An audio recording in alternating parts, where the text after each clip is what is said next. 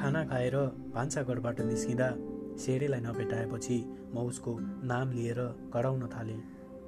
कुकुर भुकेको आवाज त आयो तर त्यो मेरो सेरेको थिएन। दाहिनेपट्टिको मूल घरको ढोकाबाट एउटा ठुलो कुकुर भुक्दै निस्कियो अनि एकछिन भुकेर आफ्नो बाटो लागिहाल्यो। म पनि सेरेलाई खोज्दै त्यही घरभित्र पसेँ। घरभित्र पुग्दा त मेरो सानो साथी कुइँ कुइँ गर्दै रोइरहेको थियो। कठै मेरो साथीलाई आफ्ना मनका अनेकौँ दुःख पीडा अनि गुनासो पोख्न कुइँ कुइँले मात्र चित्त बुझाउन पर्ने। मैले उसलाई बोकेर आँगनमा ल्याएँ। त्यत्तिकैमा घरको सबैजना आइपुग्नुभयो। कुरा गर्दै जाँदा थाहा भयो अघिको ठुलो कुकुर त बहुला कुकुर पो रहेछ। मेरो सेरेलाई त बहुला कुकुरले पो टोकेछ केही क्षण अगाडिसम्म चाँडो चाँडो खाना खाइसक्ने बित्तिकै सेरेसँगै खेल्न उत्साहित म उसलाई यस्तो हालतमा देख्दा मेरो आँखाबाट कालो बादल झरी बनेर रसायो। मेरो दुःखको कोठामा अँध्यारो त्यति बेला छायो जब मलाई अब उसको नजिक जान पनि ठिक छैन भनेर भनियो। सायद मलाई पनि रोग सर्छ भन्ने डरले होला। मैले केही गर्न सकिनँ न त पाएँ नै। अब म एउटा बालक मात्र थिएँ र यो सब मेरो पहुँचबाट टाढा थियो जसरी सेरे मेरो काखाबाट। त्यो बेलाको समयमा मेरो सेरेलाई यस्तो भयो केही गरिदिनुहोस् भन्दै लगेर जाने ठाउँ पनि थिएन।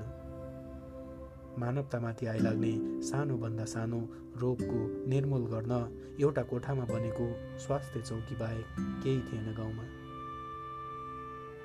यस्तो परिस्थितिमा सेडीको उपचार होइन व्यवस्थापन गर्नु बाहेक अरू कुनै उपाय थिएन हामीसँग। समय यसरी दौडिँदै मलाई फेरि एक्लो बनाउन आएको रहेछ। यो घटना घटेको केही समयपछि घरमा काम गर्ने एकजना दाइले सेरेलाई लिएर जानुभयो। त्यति बेला बल्ल मलाई अब मैले सेरेलाई गुमाएँ भन्ने महसुस भयो।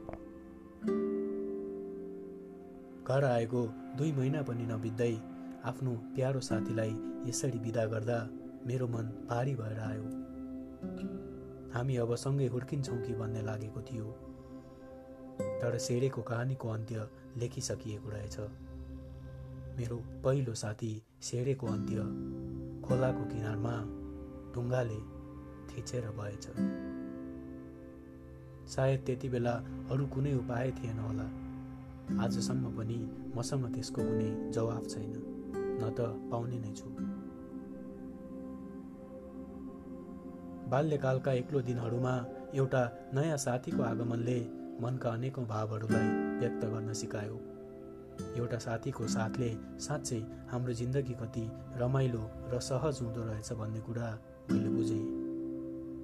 सेरे पहिलोपटक भागेर जाँदा उसलाई फिर्ता लिएर आउन मेरो जिदले मलाई रोक्न सकेन।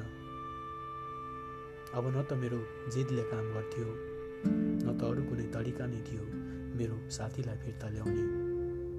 आफूमाथि आइलाग्ने जस्तो सुकै परिस्थितिको सामना गरेर अघि बढ्न सक्ने सामर्थ्यले गर्दा नै हामीले हाम्रो जीवनमा सुख दुःखको भुमरीबाट नयाँ पाठहरू सिक्दै जिउन सिक्ने रहेछौँ।